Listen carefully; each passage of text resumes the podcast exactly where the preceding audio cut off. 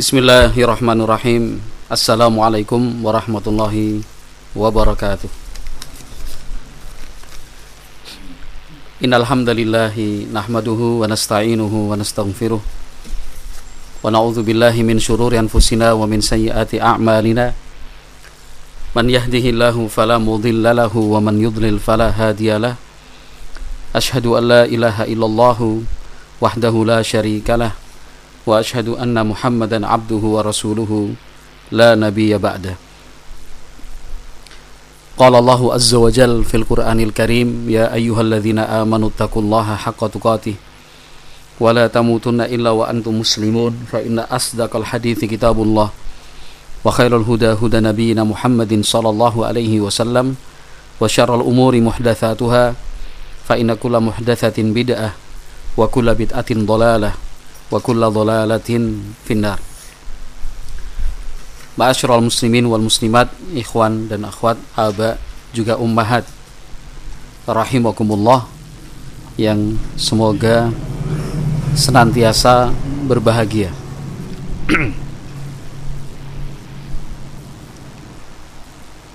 Para ulama kita secara serius dan sungguh-sungguh menghimpun serta mengumpulkan berbagai, maka, berbagai macam cerita, sejumlah kisah. Untuk disajikan bagi umat, termasuk kita semua, dalam banyak hal tentang berbagai perkara, supaya ada pegangan untuk hidup agar kita mencontoh serta meneladani mereka. Kisah-kisah yang mereka kumpulkan dan himpunkan itu bukan kisah tanpa makna, bukan cerita belaka, tetapi kisah-kisah itu dikumpulkan agar kita mau mengambil manfaat termasuk pembahasan yang ingin kita singgung secara ringkas pada kesempatan sore yang cerah ini. Memuliakan dan menghormati seorang guru. Yang tentunya telah memberikan sekian banyak manfaat untuk kita. Penghormatan sikap memuliakan terhadap guru. Entah itu disebut sebagai ulama ataukah dinamakan ustadz seorang alim pengajar musyrif musyrifah ustazah atau apa pun lah sebutannya itu selama memberi manfaat untuk kita terutama ilmu agama walaupun sedikit meskipun seujung kuku walaupun secuil tetap saja kita sebut sebagai seorang guru. Apalagi lebih dari itu waktu yang diberikan kesempatan yang dibagikan untuk kita. Lalu kita bisa menyerap dan menimba ilmu. Tentu harus lebih kita hormati dan lebih kita muliakan lagi. Seorang khalifah sekalipun secara status dan kedudukan atau jabatan tertinggi di tengah-tengah kaum muslimin memuliakan dan menghormati mereka yang berilmu apalagi kita.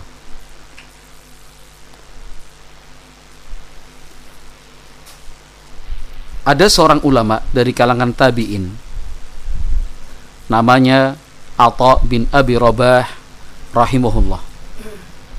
Atha bin Abi Rabah rahimahullah. Dalam catatan biografi dan kehidupannya secara fisik Atta bin Abi Rabah rahimahullah sangat tidak meyakinkan. Bahkan dalam salah satu biografinya beliau dikatakan memiliki lima cacat fisik sekaligus. Secara fisik memiliki lima cacat sekaligus.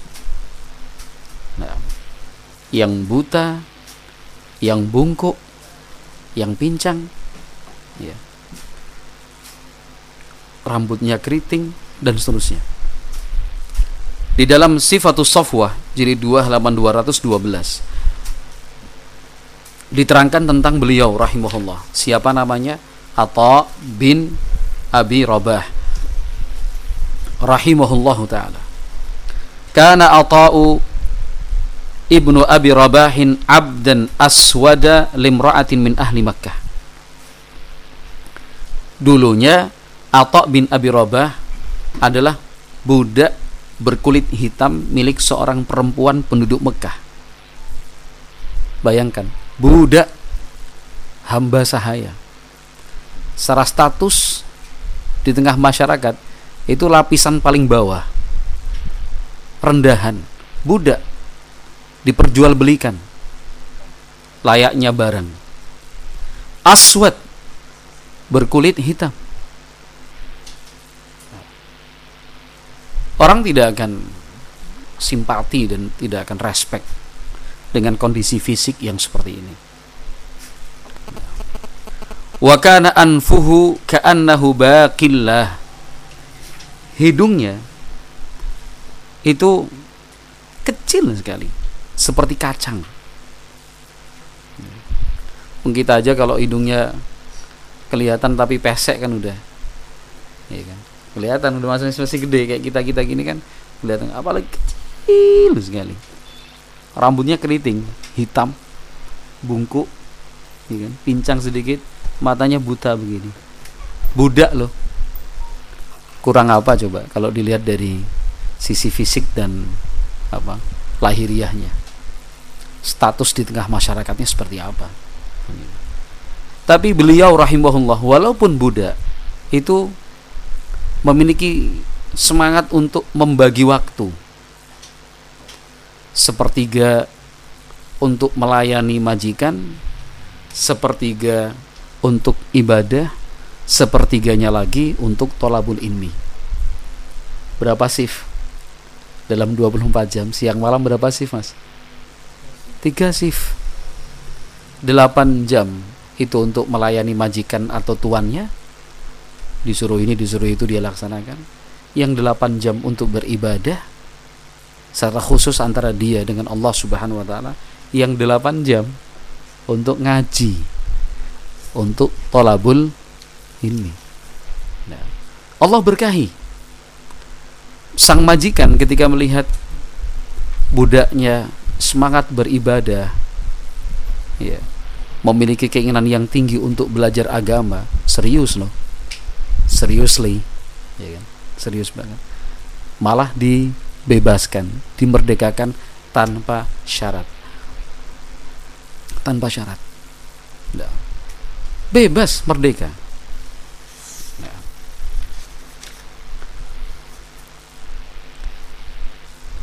di setiap zaman pasti seperti itu mas.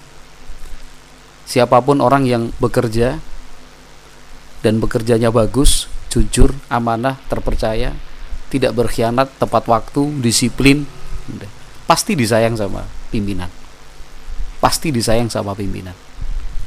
Ketika suatu saat melakukan kesalahan, ah diabaikan, kan dilupakan. Nah, kalau untuk kita ya, walaupun celananya cingkrang, ya, memelihara jenggot panjang, ya kan, jidatnya ada tanda hitam tiga atau dua, tidak akan disentuh oleh pimpinan. Tidak akan di apa ditekan. Kenapa? Kinerjanya bagus. Etos semangatnya tinggi. Disiplin tepat waktu. Ketika diperiksa dicek dalam pengawasan bagus kerjanya anak ini. Ini udahlah biarkan terserah kamu lah mau bikin apa. Kenapa? Bagus. Tidak ada yang dikritik di situ itu bisa kita contoh dari biografi Atha bin Abi Robah rahimahullahu taala. Nah, Atha bin Abi Robah itu secara fisik demikian. Secara fisik. Udah apa? mengumpulkan beberapa bentuk cacat. Yang kedua secara status. Statusnya hanya bu budak. Setelah bebas, tetap saja dia dipanggil sebagai apa? Maula. Maula itu mantan budak. Nggak ada orang langsung menyebut orang merdeka. Pasti dibilang mantan budak. Padahal udah merdeka. Dan itu panggilan akan turun temurun. Kan itu. Punya anak, punya cucu, cucunya akan bilang, "Ah, simbahnya dulu tuh mantan budak." Akan disebut. Itu secara status. Nah. Ilmu telah meninggikan derajat beliau rahimahullahu taala. Sehingga dikatakan para ulama bahwa di zamannya tidak ada yang lebih mengerti dan lebih memahami tentang manasik haji dan umrah dibandingkan Atha bin Abi Rabah rahimahullah ta'ala. Ahli di bidang manasik haji dan umrah. Padahal di zaman itu adalah zaman tabi'in. Banyak juga ulama-ulama yang lain. Tetapi yang dikatakan paling mengerti dan paling faham tentang ilmu manasik haji dan umrah adalah Atha bin Abi Rabah rahimahullah Sampai-sampai beliau diminta dan ditetapkan oleh gubernur Mekah ketika itu untuk menjadi mufti. Apa itu mufti? Pemberi dan penyampai fat fatwa. Duduk menyelenggarakan majlis di Masjidil Haram. Nggak sembarangan orang menyelenggarakan majlis di Masjidil Haram. Kalau kita sekarang nggak sembarangan mengadakan daurah, nggak sembarangan mengadakan taklim, enggak Atau bin Abi Rabah rahimahullah taala diminta ditetapkan untuk menyelenggarakan majlis ilmu di Masjidil Haram. Nah, cerita yang ingin kita angkat adalah uh, Ja'a Sulaiman ibnu Abdul Malik Amirul Mukminin ila Atha wa huwa huwa wa benahu. Jadi di musim haji ceritanya ini. Di musim haji Khalifah Sulaiman bin Abdul Malik rahimahullah itu Amirul Mukminin Amirul Mukminin dari Bani Abbasiyah atau dari Bani Umayyah? Abbasiyah wa Umayyah. Jangan yang dihafalin perang dunia pertama sama perang dunia kedua aja. Kan First World War sama Second World War. Daulah Abbasiyah dengan Umayyah lebih dulu mana? Hah? Kalau asal jawab nggak boleh asal jawab nggak boleh. Umayyah dulu Bani Umayyah. Ya kan? Abu Bakar Umar Uthman Ali. Ya kan? Kemudian Muawiyah bin Abi Sufyan. Lalu turun temurun. Yazid bin Muawiyah dan seterusnya. Nah itu bisa katakan sebagai Bani Umayyah. Anak keturunannya Muawiyah uh, Umayyah itu kakek jauhnya sahabat Muawiyah bin Abi Sufyan. Sampai sekian generasi lalu digantikan dengan Daulah Abbasiyah Daulah Abbasiyah melalui sebuah gerakan perlawanan atau pemberontakan gitu gitu. Daulah Abbasiyah. Nah, nah, Sulaiman bin Abdul Malik itu masih dari kalangan Khalifah Bani Umay Umayyah masih dari kalangan tabi'in. Nah, Sulaiman bin Abdul Malik itu Amirul Mukminin yang kekuasaan serta wilayahnya oh sekarang udah nggak ada lagi udah terpetak-petak udah terkotak-kotak udah jadi beberapa negara sekarang ini dulu ya meliputi Yaman, Arab Saudi, Bahrain, Oman, Abu Dhabi, Emirat maksudnya, Kuwait, Irak, kemudian Yordan, lalu Lebanon, Suria, Mesir, ya kan, Palestina masuk negeri Syam, belum lagi yang Iran. Itu kekuasaan Islam luas sekali. Khalifah Amirul Mukminin Sulaiman bin Abdul Malik rahimahullah. Berangkat haji tahun itu. Berangkat haji tahun itu. Sesampainya di Masjidil Haram ya sampai di Masjidil Haram dalam satu kesempatan beliau ditemani oleh kedua anak laki-lakinya. Ketika pengawal khalifah ini ingin membuka jalan mencarikan tempat yang lapang Itu Khalifah Sulaiman bin Abdul Malik menolak jangan. Jangan. Karena sekarang ini di tempat ini saya hanyalah seorang muslim seperti kaum muslimin lainnya. Ketawaduan dan kerendahan hati Khalifah Sulaiman bin Abdul Malik rahimahullah. Siapa yang dituju? Jawabannya jelas. Atha bin Abi Robah rahimahullah taala. Jadi ketika itu Atha bin Abi Robah Atha bin Abi Robah kan menyelenggarakan majelis ilmu. Ya. Orang datang berkumpul bermajelis rame halakohnya.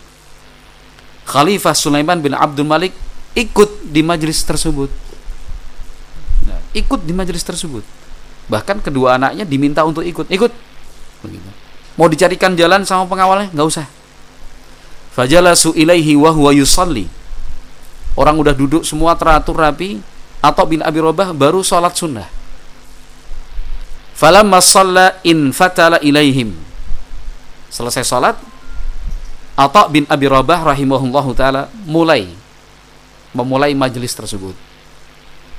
Fama zalu yas'alunahu an manasikil haji wa qad hawwala qafahu ilaihim.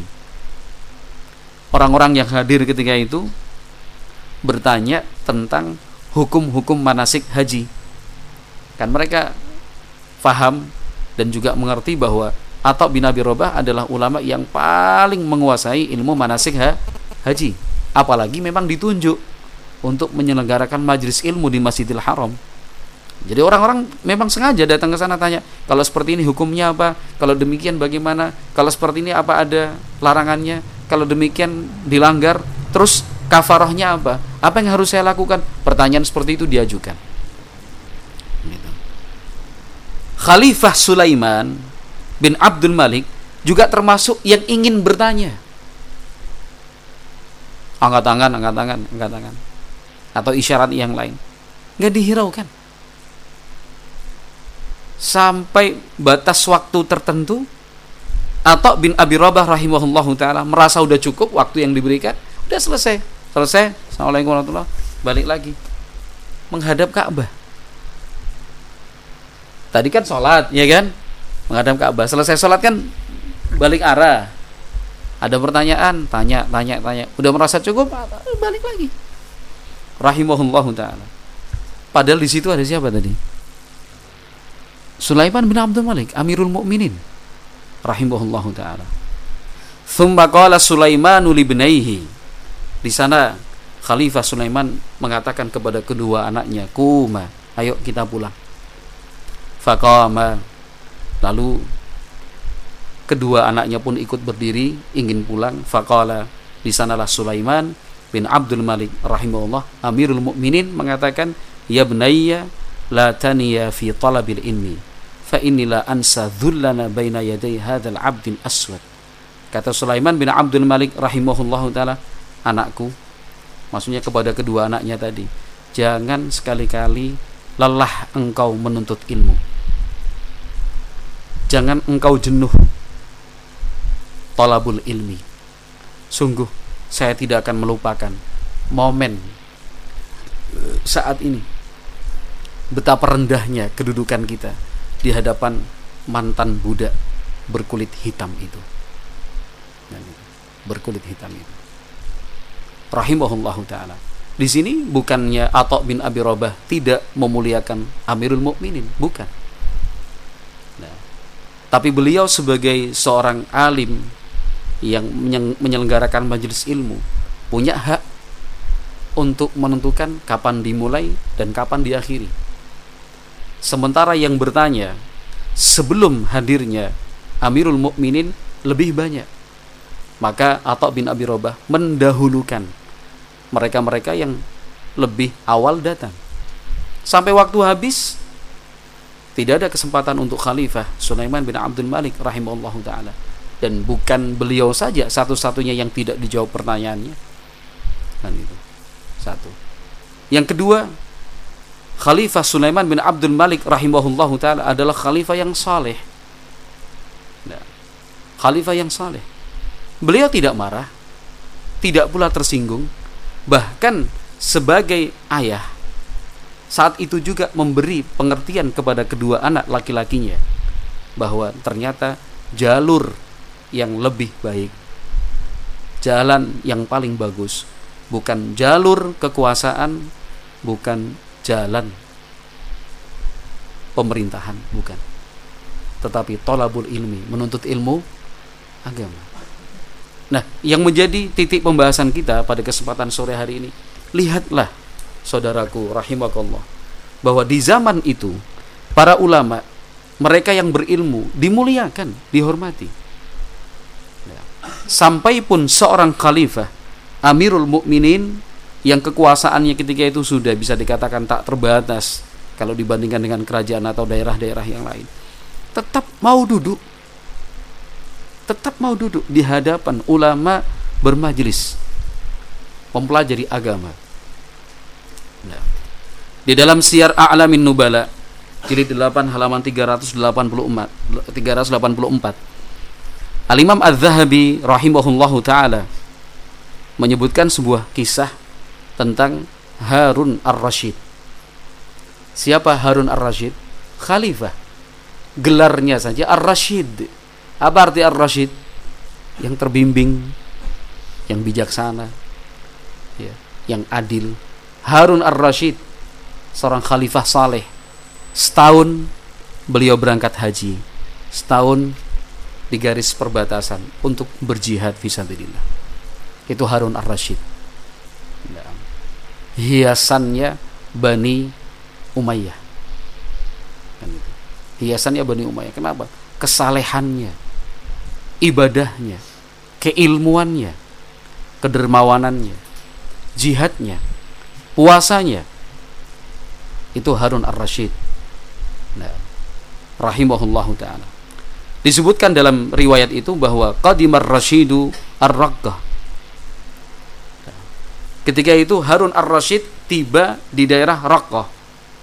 Kalau sekarang nyebutnya Raqqah, daerah Suriah ya, daerah konflik juga beberapa waktu yang lalu tulisannya RA QQA Raqqa kan gitu. sebuah kota besar di daerah Syam Harun Ar-Rasyid tiba di daerah itu fanjafalan nasu khalfa ibnil mubarak wa taqatta'at ni'al wartafa'atil ghabarah pada saat yang bersamaan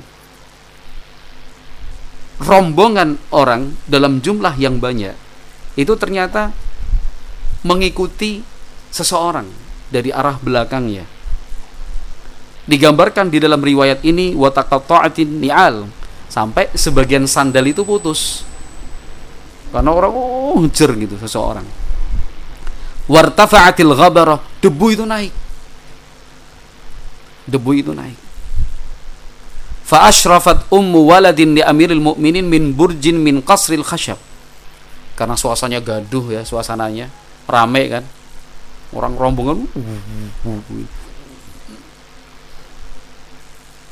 maka salah seorang apa kalau kita bahasakan ya salah seorang istri dari Amirul Mukminin Harun Ar-Rasyid itu kemudian juga terkejut ada apa ini? Penasaran kan? Lalu dari atas istana khalifah yang terbuat dari kayu istri Amirul Mukminin Harun Ar-Rasyid terus lihat. Lalu tanya kepada pelayan atau apa pengawal. Mahada ada kejadian apa itu kok ramai sekali? Jadi pemandangan yang baru bagi istri khalifah. Orang ramai sekali berjubel-jubel. Debu naik. Hanya karena apa? Mengikuti satu orang. Siapa itu? Kalau orang-orang yang ada di sampingnya pelayan atau pengawal menjawab alimun min ahli Khurasan qadima. Seorang alim orang berilmu dari negeri Khurasan baru saja tiba. Nah, siapa yang dimaksud di situ? Abdullah ibnul Mubarak rahimahullah taala. Yang kemudian kita sering sebut dengan ibnul Mubarak. Jadi Khalifah Amirul Mukminin sampai di Raqqah Suriah sekarang Syam. Nah, pada saat yang bersamaan Ibnu Mubarak rahimahullah taala juga datang dari Khurasan. Sama-sama rame. Sama-sama rombongan juga. Nah. Tapi ternyata rombongannya Ibnu Mubarak rahimahullah taala jauh lebih meriah, lebih riuh. Qalat kata sang istri, istrinya khalifah sendiri, "Hadza wallahil mulku, la mulku Harun." Demi Allah, sudah ini yang disebut dengan kekuasaan. Bukan kekuasaan yang sekarang dipegang oleh Harun suaminya sendiri. Alladzi la yajma'un nasa illa bisyuratin wa a'wanin. Seorang khalifah yang tidak bisa mengumpulkan masa kecuali dengan bantuan polisi dan pengawal. Kan Kumpul-kumpul kumpul orang. Ini yang membedakan. Ini yang membedakan seorang alim, seorang ulama dengan tulus, ya, sepenuh hati orang-orang mau menyambut, menghormati, memuliakan. Kisah ini pun merupakan bukti bahwa para ulama di zaman itu, seorang alim itu benar-benar dihormati, dimuliakan. Nah, betul-betul dimuliakan dan dihormati. Rahimahumullah taala. Ibnu Abbas radhiyallahu anhuma itu pernah melepas kepergian Zaid bin Thabit radhiyallahu anhu.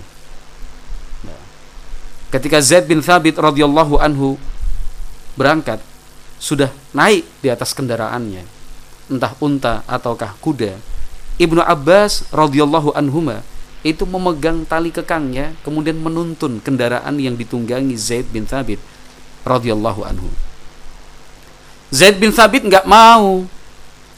Kata Zaid bin Thabit, "Tanahha ya bna ammi Rasulillah sallallahu alaihi wasallam." Kata Zaid bin Thabit, "Minggir." Jangan. Anak paman Rasulullah SAW jangan. Kan itu. Jadi Zaid bin Thabit apa? merasa sungkan. Kenapa? Karena Ibnu Abbas radhiyallahu anhu adalah sepupu Rasulullah sallallahu alaihi wasallam. Ibnu Abbas adalah sepupu Rasulullah Shallallahu Alaihi Wasallam nggak enak rasanya, sungkan. Naik kendaraan malah dituntun oleh Ibnu Abbas radhiyallahu anhu. Faqala maka Ibnu Abbas radhiyallahu anhu menyampaikan alasannya. Kata Ibnu Abbas, "Inna hakadha naf'alu bi ulama'ina wa kubara'ina." Kata Ibnu Abbas radhiyallahu anhu, sungguh sudah demikianlah seharusnya kami menghormati ulama-ulama kami dan orang tua-orang tua kami. Ibnu Abbas ya, seorang sahabat mulia memiliki kedekatan nasab dengan Nabi Muhammad alaihi salatu wassalam. Ahli tafsir di kalangan sahabat radhiyallahu anhu.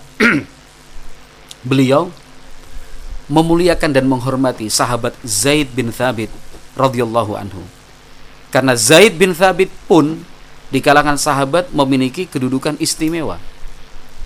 Zaid bin Thabit radhiyallahu anhu mempunyai kelebihan dibandingkan sahabat-sahabat yang lain.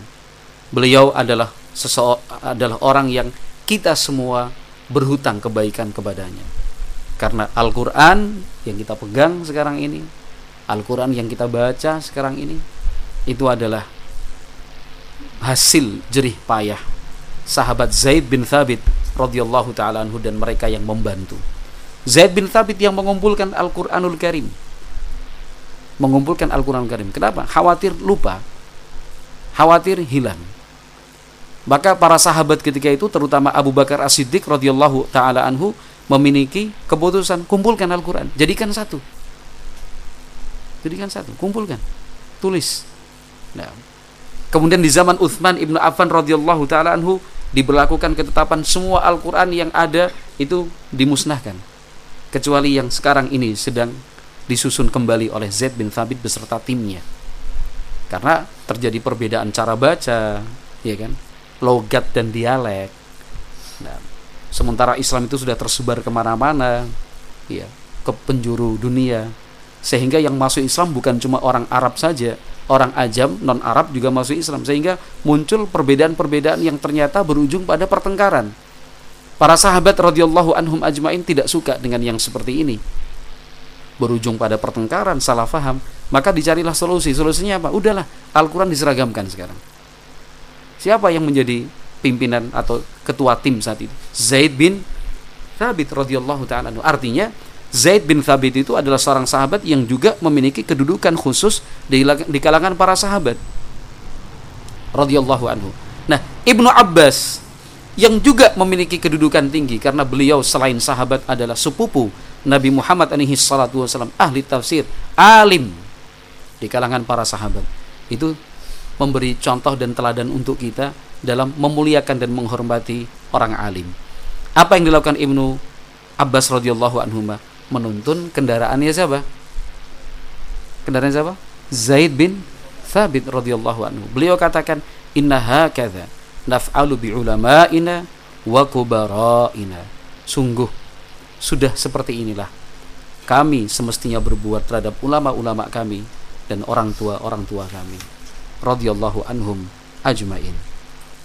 Nah, di sini ikhwati fillah rahimani wa rahimakumullah. Ya kan? Di sini rahimani wa rahimakumullah kita bisa menyimpulkan bahwa seorang alim itu harus dimuliakan, dihormati. Ya, dimuliakan, dihormati. Sekecil apa pun dan sesedikit apa pun ilmu yang pernah disampaikannya untuk kita. Apalagi lebih dari itu. Bukan hanya menyampaikan ilmu, tetapi membimbing, mengarahkan. Dalam banyak hal andaikan kita hitung kita sendiri sudah lupa berapa banyak dan berapa kali kita dibimbing dan diarahkan. Ya, oleh guru alim ustadz kita. Ustadz kita bukan hanya menyampaikan ilmu tetapi juga berusaha untuk selalu hadir ketika kita membutuhkan. Saat dihadapkan dengan satu pertanyaan yang belum kita ketahui jawabannya, maka ustadzlah yang kemudian berusaha mencarikan jawabannya untuk kita semaksimal mungkin sebatas ilmu yang dimiliki. Hutang budi kita kepada ustadz kepada ustadz itu tidak bisa dinilai Bahkan sebagian ulama mengatakan hutang kita kepada seorang ustadz lebih besar daripada hutang kita kepada orang tua kandung sendiri. Karena kedua orang tua kandung kita berusaha untuk menyelamatkan kita dari api dunia. Sementara ustadz, seorang alim, berusaha untuk menyelamatkan kita dari api neraka dengan ilmu-ilmunya. Ya, ilmu-ilmunya. Kadang-kadang kita perlu bertanya, apa yang sudah kita berikan untuk guru kita? Apa yang sudah kita berikan untuk ustadz kita? Nah, ini pertanyaan menggugah kita sebagai murid. Saya ulangi kembali, pertanyaan ini kita angkat sebagai seorang murid. Bukan karena statusnya ustadz, bukan, tapi kita sebagai seorang murid apa yang sudah kita berikan kepada ustadz kita, kepada guru agama kita, kepada pengajar Islam, hukum-hukum dan yang lainnya. Berapa banyak ayat sudah dibacakan untuk kita, diterangkan dengan membaca keterangan ahli tafsirnya. Berapa banyak hadis-hadis Rasulullah SAW yang sudah disampaikan untuk kita. Ada banyak hal yang dulu tidak kita ketahui, sekarang sudah kita mengerti melalui siapa?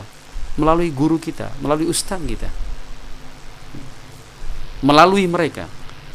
Nah, apakah itu bisa dinilai dengan rupiah? Tidak mungkin. Walaupun dengan dolar, yen atau pound sterling, euro, euro, nggak juga. Dengan uang emas dan uang perak juga nggak mungkin. Karena ilmu itu tidak bisa dinilai dengan uang. Ya, tidak bisa dinilai dengan uang cobalah sebagai perbandingan saja. Coba sebagai sebuah perbandingan. Walaupun tidak mungkin bisa diperbandingkan, tapi ini perlu kita lakukan agar kita lebih sadar. Coba kita bandingkan untuk pelajaran-pelajaran yang sifatnya umum. Kemudian dibukalah program bimbel, bimbingan belajar atau misalkan privat. Entah itu matematika, bahasa Indonesia, bahasa Inggris, fisika, kimia biologi atau apa pun itu sekarang. Biayanya sekarang ini mahal atau murah? Mahal atau murah sekarang hitungannya apa? Sekali pertemuan per jam? Per jam? Berapa per jam? Ada yang tahu nggak? Untuk contoh aja per jamnya berapa? Mestinya ada yang tahu dong. Per jamnya berapa? Variatif. Ya umumnya lah paling murah deh. Yang untuk SD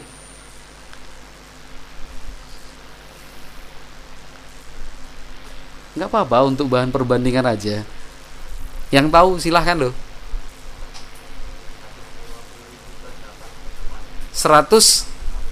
150 ribu per 8 pertemuan. Berarti per pertemuan berapa itu? 150 bagi 8 apa? 20 ribu. Itu kan bukan privat orang per orang kan? Per kelas kan? Per kelas. Jadi kalau misalkan per kelas isinya 5 ya berarti 5 kali 150 ya kan? Berapa tuh? 5 kali 150 950 ya? Eh? 750 8 kali pertemuan. Masya Allah. Itu matematika mas Tingkat SD Yang manfaatnya Belum tentu bisa dirasakan seterusnya. Belum tentu bisa dirasakan seterusnya. Itu belum yang lain-lain. Nah. Walhamdulillah kita sekarang Masya Allah di lingkungan dan di komunitas kita. Ya kan? apa yang sudah bisa kita berikan untuk pengajar-pengajar kita ustadz-ustadz kita. Belum sebanding. Kenapa? karena yang disampaikan oleh guru kita ustadz kita bukan hanya menyangkut kebaikan dunia tetapi juga menyangkut kebaikan akhirat kita. Surga tujuannya. Ya faedah-faedah ditulis, diterjemahkan, di-share. Itu terjadi dan harus kita akui. Jangan sampai menjadi orang yang punya sifat tidak mau mengakui kebaikan orang lain, terutama gurunya. Jangan sampai menjadi seseorang yang punya sifat mengingkari ya, kebaikan yang sudah diberikan oleh gurunya. Nah, dengan demikian, ada beberapa hal yang mesti kita ingat. Selain diingat ya juga di apa diwujudkan. Bagaimana cara kita menghormati guru? Bagaimana cara kita memuliakan seorang ustadz dan seterusnya? Nah, guru kita, guru anak kita, ya, ustadz kita, ustadznya anak-anak kita, sama kita harus mendidik anak-anak kita untuk menghormati gurunya. Kita harus memberi contoh dan teladan buat anak-anak kita memuliakan ustadznya. Apa yang bisa kita lakukan? Paling tidak dua lah pada kesempatan sore hari ini. Karena waktunya terbatas nih. Minimalnya ada dua yang ingin saya sampaikan di sini. Yang pertama, yang pertama, sebutlah sebutlah gurumu di dalam doamu. Itu yang pertama. Mohon maaf, afwan sebelumnya. Ya kan? Kalau mau tersinggung juga boleh. Ya, saya juga rela. Kalau misalkan antum tersinggung nggak apa-apa deh. Mohon maaf, kalau misalkan mau kita teliti dari kita sekarang ini hanya bisa dihitung dengan jari. Prosentasenya kecil sekali. Yang ketika berdoa tidak lupa menyebut guru di dalam doanya. Menyebut namanya nggak usah guru wong wong tuane ora kok. Bapak ibunya aja kadang kita lupa mendoakan Robbi firli wali walidayya warhamhuma kama rabbayani saghira. Pengennya ibunya ngaji pengennya bapaknya ngaji pengennya ibunya jadi salafi salafiyah. Pengennya bapaknya jadi salafi pengennya ibunya ikut ngaji pengennya bapaknya ikut ngaji tapi doa aja nggak pernah.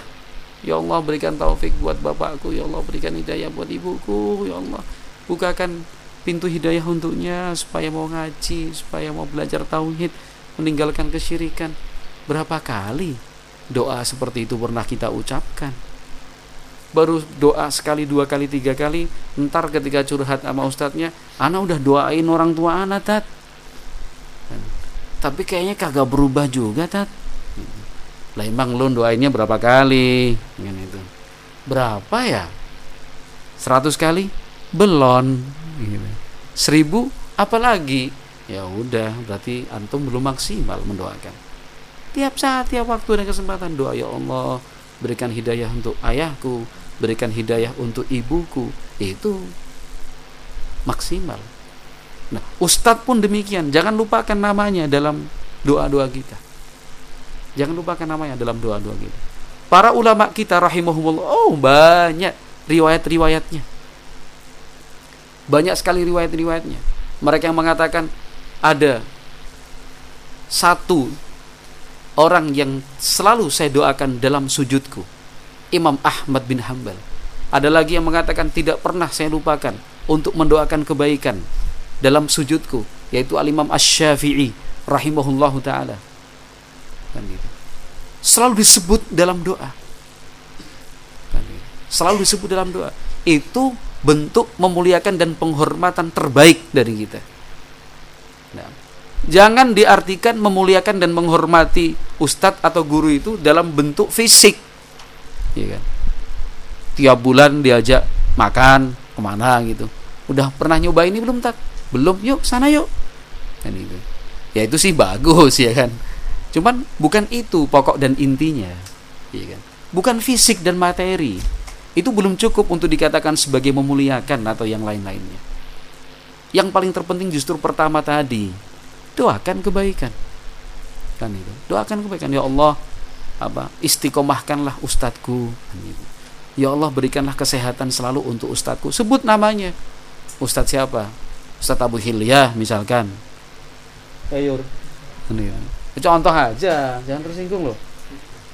Memang memang ustadz kan antum ustadz kan gitu ya Allah berikanlah apa kesabaran buat ustadku Ustadz Abu Hilyah jangan suka marah-marah. Misalkan didoain dong. Didoain. Kan itu misalkan ustadznya sering sakit doain ya Allah berikanlah kesehatan buat ustadzku Ustadz Abu Hilyah kan itu jangan sakit-sakitan melulu misalkan. Itu kan doa doa kita. Dan nggak perlu kita ngasih tahu sama Ustadz Abu Hilyah tat tadi malam gue doain antum loh antum ngerasa nggak nggak usah gitu saya itu sudah kewajiban kita. Kewajiban kita sebagai seorang murid doakan dengan doa-doa kebaikan. Doakan dengan doa-doa kebaikan. Yang kedua, yang kedua berusaha ya kan, memberi uzur, berusaha memberi uzur ketika sang guru melakukan sebuah kesalahan. Beri uzur, kan, beri kemungkinan-kemungkinan positif. Gitu. beri kemungkinan-kemungkinan positif. Nah, jangan kemudian gurunya sekali berbuat salah libas ya kan? Gurunya sedikit berbuat kesalahan udah diomongin sana sini ustadz kok kayak gitu ya? Nggak cocok tuh jadi ustadz tuh atau bilang ilmunya sih banyak tapi nggak bisa jadi teladan. Tapi pas ketemu saatnya mana sehat-sehat ya kayak orang munafik jadinya. Ya kan? Ketemu sama ustadznya baik di belakang. Gitu. Iya kan? Nggak baik seperti itu. Tidak ada seorang alim seorang guru seperti malaikat yang tak punya salah. Berkaca dan bercerminlah. Kita sebagai murid lebih banyak salahnya. Iya kan yang datang terlambat yang datang telat yang jarang kelihatan. Kan? biasa aja. Sekali ustadznya terlambat nih ustadznya nih nggak disiplin nih. Kan itu Waalaikumsalam. Oh Ustadz Abu Fadilah. Kan datangnya terlambat. Ya kan. nanti terus diomongin wah ustadznya sering telat. Gitu. Masya Allah. Kalau mau dihitung-hitung lebih banyak yang telat pesertanya. Ya kan? Lebih banyak telat pesertanya. Sehingga kita harus paham maklumi ustadz itu nggak ada yang sempurna. Sebagaimana kita pun tidak ada yang sem sempurna. Kata Roja bin Haywah Kata Roja bin Haywah Rahimahullahu ta'ala Man lam yu'akha illa man la aiba fihi qalla sadiquhu.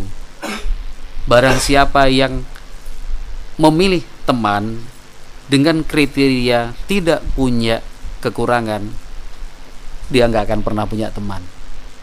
Ya kan? Dia tidak akan pernah punya teman.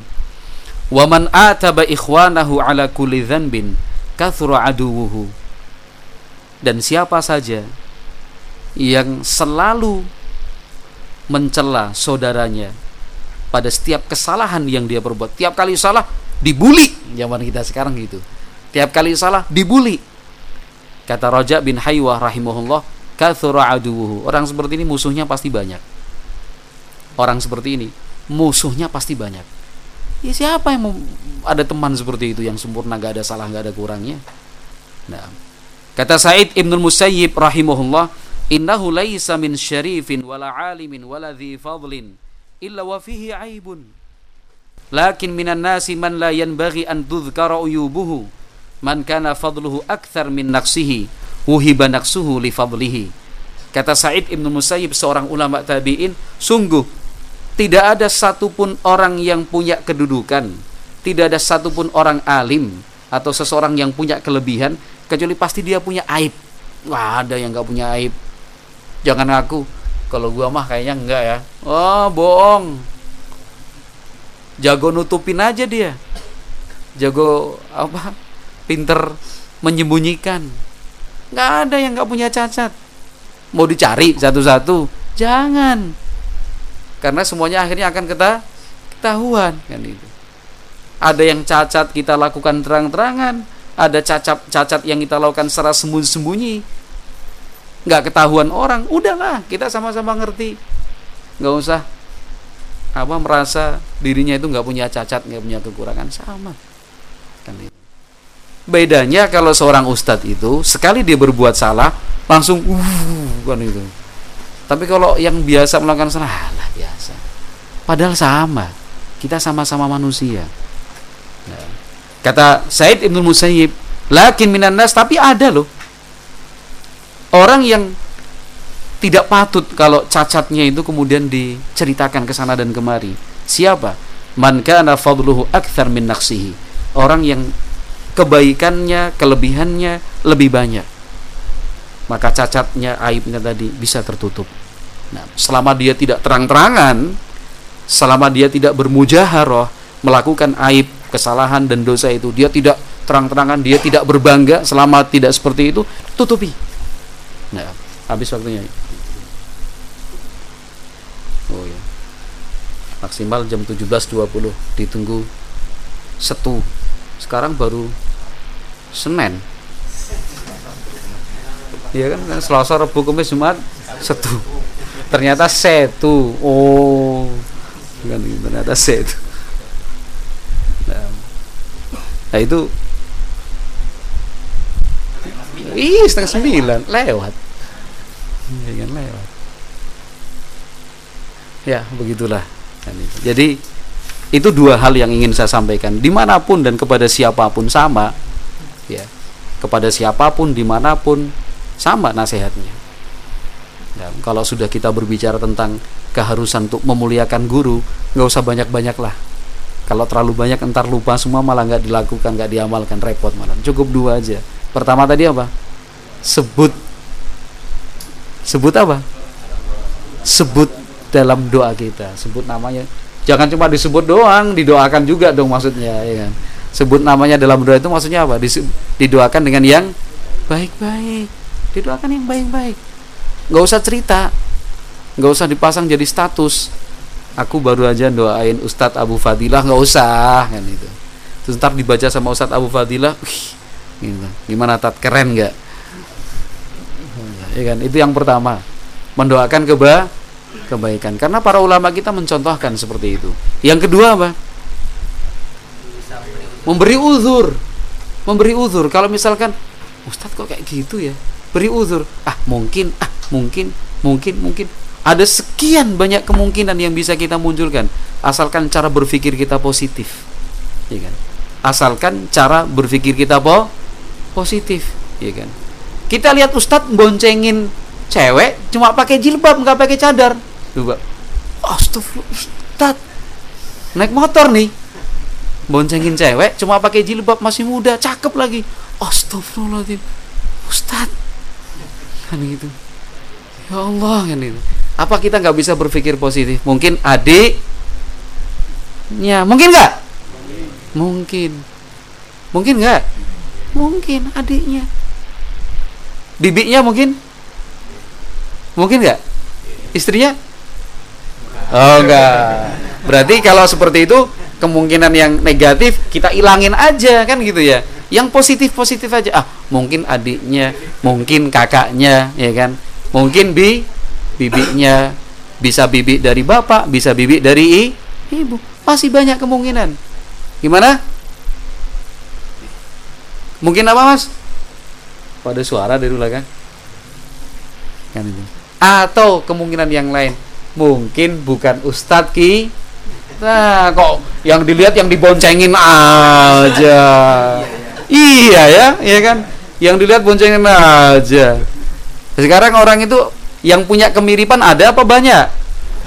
Banyak, bukan cuma ada tapi bah banyak. Kita udah yakin ustadz tuh gitu. Enggak, pas kita balik lah, ustadz baru nongkrong di situ tuh di gudang PLB. Terus tadi di sana siapa? Tadi bukan salah toh. Padahal doh oh sama ustadz kayak gitu. Ternyata mirip. Tapi motornya, yang motor kan juga bisa mi minjem bisa mirip bisa juga kita yang salah lihat iya kan bisa juga kita yang salah lihat ada sekian banyak kemungkinan selagi kata ulama kita selagi masih ada satu kemungkinan jangankan dua selagi masih ada satu kemungkinan kita berpikir positif berpikirlah positif ya kan berpikir apa positif dan seterusnya lah itu tinggal kita aplikasikan aja kita realisasikan dalam kehidupan sehari-hari. Itu dua itu dua itu aja lah nggak usah banyak-banyak, ya kan? Dua itu. Amalkan udah. Itu yang dua kalau diamalkan udah luar biasa tuh. Tadi ada satu pertanyaan. Pertanyaannya begini. Apakah seorang umahat atau ibu diperbolehkan mengisi atau menulis di buku komunikasi anaknya terkait dengan sekolah anaknya karena anaknya laki-laki atau banin? Apakah boleh atau tidak ibu tersebut menuliskan kalimat jazakumullah khairan dan barakallahu fikum di buku komunikasi tersebut? Masalahnya bukan boleh atau tidak boleh. Bapaknya ke mana nih? Kan itu, ya kan? Bapaknya ke mana nih? Nah. Hah? Jangan-jangan yatim. Ya. Hah? tenang, tenang, tenang, tenang. Nggak usah grogi gitu. Iya kan? Jadi kita apa menjawabnya secara reguler aja. Secara reguler itu maksudnya apa? Ada ibu, ada bapak. Kalau dalam situasi seperti ini, bapak mestinya melaksanakan tugas, ya kan? Biarlah bapak yang menu menulis. Kenapa? Karena setiap laki-laki tidak boleh merasa aman dari apa? Dari perempuan. Walaupun itu hanya dalam bentuk tulisan tangan. Walaupun dalam bentuk tulisan ta, tangan. Udahlah kita sama-sama mengerti dan juga sama-sama memahami bahwa tulisan itu juga ya bisa menggoda ya kan? Uh bagus banget tulisannya. Belum kasih hiasan-hiasan ini segala macam. Kan itu. Itu kita kesampingkan aja justru yang kita tekankan sekarang agar bapak berperan aktif menulis komunikasi apa, di buku yang sudah disiapkan. Nah, masa nggak ada waktu sih hanya untuk menulis di buku komunikasi? Nah, sedemikian murahnya atau sedemikian tidak berharganya anak kita sampai kita tidak punya waktu? Kan itu. Mana yang lebih mahal dan lebih berharga? Anak atau harta? Anak lebih mahal harganya. Harta hilang bisa dicari. Anak hilang menyesalnya seumur hidup. Hilang di sini maksudnya apa? Bukan hilang betul-betul hilang. Tapi ketika kita sudah putus hubungan batin anak kita nakal anak kita sudah keluyuran kelayapan ke mana-mana sedihnya luar biasa. Nah, maka untuk menjawab pertanyaan seperti ini saya tidak akan menjawab boleh atau tidak boleh tapi yang saya tekankan adalah mestinya bapak yang menulis. Kenapa? Karena anaknya adalah laki-laki banin sehingga guru dan pengajarnya adalah ustadz artinya laki-laki juga. Biarlah yang laki-laki dengan laki-laki yang perempuan dengan perempuan. Itu lebih aman dan lebih menjaga kehormatan insyaallah taala.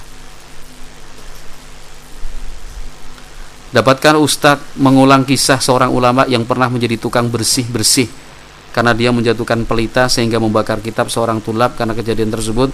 Akhirnya beliau belajar hingga menjadi ulama. Kisah tersebut anda dapat saat Ustadz mengisi daurah di Celengsi tahun 2012 waduh. Karena anda penasaran mungkin terlewat nama ulama yang dikisahkan tersebut. Hingga saat ini anda belum mendapat jawabannya. Jazakallahu ada namanya Al Azhari rahimullah seorang ulama ahli nahu dari Al-Azhar. Al-Azhar zaman dulu bukan Al-Azhar zaman sekarang bukan tukang bersih-bersih ya tukang bersih-bersih. Tapi secara khusus waktu itu tugasnya apa? Merawat lampu pelita. Merawat lampu pelita karena zaman dulu belum ada listrik ya. Belum ada listrik jadi beliau itu bertugas untuk apa? Untuk ngecek tiap lampu-lampu di asrama mahasiswa Al-Azhar ketika itu untuk ngecek minyaknya. Jadi sebelum malam dicek minyaknya diisi baru kemudian disulut pelita lampu teplok ya kita bilang ya. Apa? Sentir. Nah itu sentir. Nah itu suatu saat ketika sedang membersihkan seperti itu jatuh. Minyaknya kena buku milik seorang mahasiswa di sana seorang santri di sana. Akhirnya mahasiswa mungkin karena marah bodoh kamu. Kan itu akhirnya kaget juga. Tapi bener juga kan bodoh kan? Kan itu akhirnya di situ beliau termotivasi. Termotivasi untuk belajar belajar belajar. Akhirnya menjadi seorang ulama. Ulama ahli nahwu rahimahullah taala. Itu yang dimaksud.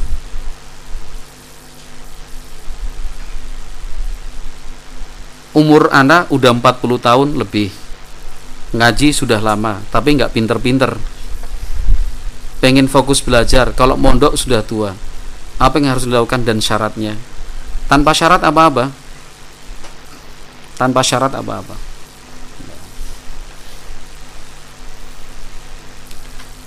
Ilmu agama kita itu tidak hanya untuk yang muda. Bukan untuk yang muda saja, ilmu Islam itu. Ilmu agama itu berlaku untuk siapa saja, yang muda, yang tua sama. Kesempatan sama-sama terbuka. Yang membedakan itu apa nanti? Cara memanagenya. Kalau yang tua punya kelebihan, tekun. Tekun. Kalau yang muda tekun susah didapatkan. Dia lebih mengandalkan kecerdasan kekuatan mengingat kekuatan menghafal. Tapi kalau yang tua mungkin kekuatan mengingat dan menghafalnya sudah turun tapi punya ketekunan. Orang yang tekun belajar pasti akan sukses. Al-Imam Al-Kisai An-Nahwi rahimahullah dulu seperti itu belajar sana, belajar sini, belajar sana. Sudah merasa gagal, pulang dalam perjalanan pulang rahimahullah taala beliau singgah di suatu tempat.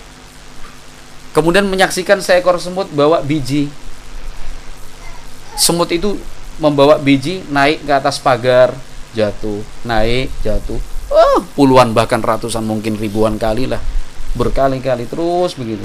Al-Kisai perhatikan terus. Nah terus jatuh. Lihat kesabaran semut ini tekunnya luar biasa. Sampai kemudian semut itu berhasil naik di atas pagar melanjutkan perjalanannya. Kata Al-Kisai masa saya kalah sama semut? Ya kan? Masa saya kalah sama semut? Artinya umur atau usia itu bukan masalah bukan penghalang. Bukan faktor untuk menentukan sukses dan tidak pinter ataukah bodoh enggak kan itu justru kita semakin semangat. Kan itu semakin semangat. Kenapa? Karena belajar Al-Quran itu mencerdaskan. Kalau ada orang mengaku bodoh merasa dirinya bodoh ya kan? Mestinya semangat belajar Al-Quran. Kenapa? Karena belajar Al-Quran itu mencerdaskan. Belajar Al-Quran itu mencerdaskan. Kan itu kalau misalkan ingin fokus belajar kalau pengen mondok itu yang terbaik kalau bingung mau mondok usianya 40 di tempat saya aja nggak apa-apa. Hmm. malah seneng saya. Sudah tua. Hmm. berarti nggak usah diatur lagi iya kan? 40 tahun luar biasa. Ayo para ulama kita pun banyak yang setelah usia tua itu kemudian belajar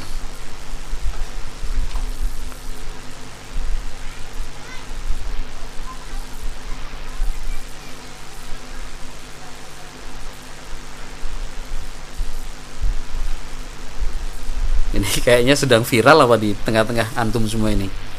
Viral nih kayaknya nih. Anak merasa nih.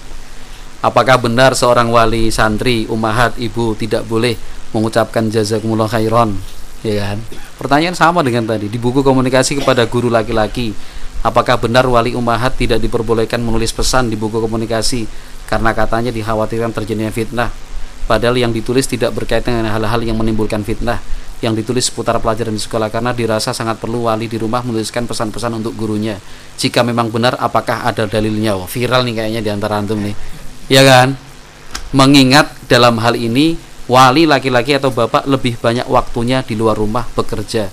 Jadi wali umahat yang aktif terhadap pendidikan anak-anaknya jazakumullah atasnya. Sudah dijawab ya? Udah. Saya tidak akan menjawab boleh atau tidaknya. Itu akan jadi polemik nanti. Dalilnya mana? Ada khilaf segala macam. Enggak. Kita kembalikan ke hukum asal ya kan? Fungsi bapak di mana? Fungsi bapak di mana? Apa sih tujuannya kita kerja? Apa tujuannya coba? Capek kita dikerja shift ini shift itu kumpulkan duit apa? Kalau misalkan ditanya antum kerja itu buat apa sih? Ya buat istri dan anak, -anak. ingat yang dibutuhkan istri dan anak-anak itu bukan cuma duitmu. Bukan. Ah, berapa menit sih mas? Berapa menit sih? Sampai satu jam setengah menit ya Allah. Ini saya saya tegaskan di sini mudah-mudahan ini bisa menjadi pelajaran buat kita semua. Catat penjelasan dari saya ini. Bisa antum ingat. Bisa antum ingat. Ini yang menjadi salah satu faktor kenapa anak-anak kita mereka jenuh belajar. Ini yang membuat anak-anak kita malas untuk mondok ini yang membuat anak-anak kita tidak mengalami peningkatan prestasi. Ini, ini sebabnya nih. Pahami. Nah, karena bapak dan ibu tidak berbarengan, tidak bekerja sama secara baik dalam memperhatikan pendidikan anak. Ini catat silahkan. Hampir semua kasus yang kita tangani pasti seperti ini. Ujung-ujungnya. Kenapa? Orang tua kurang memperhatikan anak yang dia perhatikan cuma bisa bayar SPP, bisa ngasih uang jajan, bajunya baru, buku sama tasnya bagus terus ya kan? Itu aja enggak. Enggak sampai 10 menit. Enggak sampai 10 menit. Dan itu. Wallahu alam bisawab mudah-mudahan bermanfaat. Kita akan lanjutkan pada pertemuan yang akan datang. Subhanakallahumma wabihamdik asyhadu alla ilaha illa anta astaghfiruka wa atubu ilaik assalamualaikum warahmatullahi wabarakatuh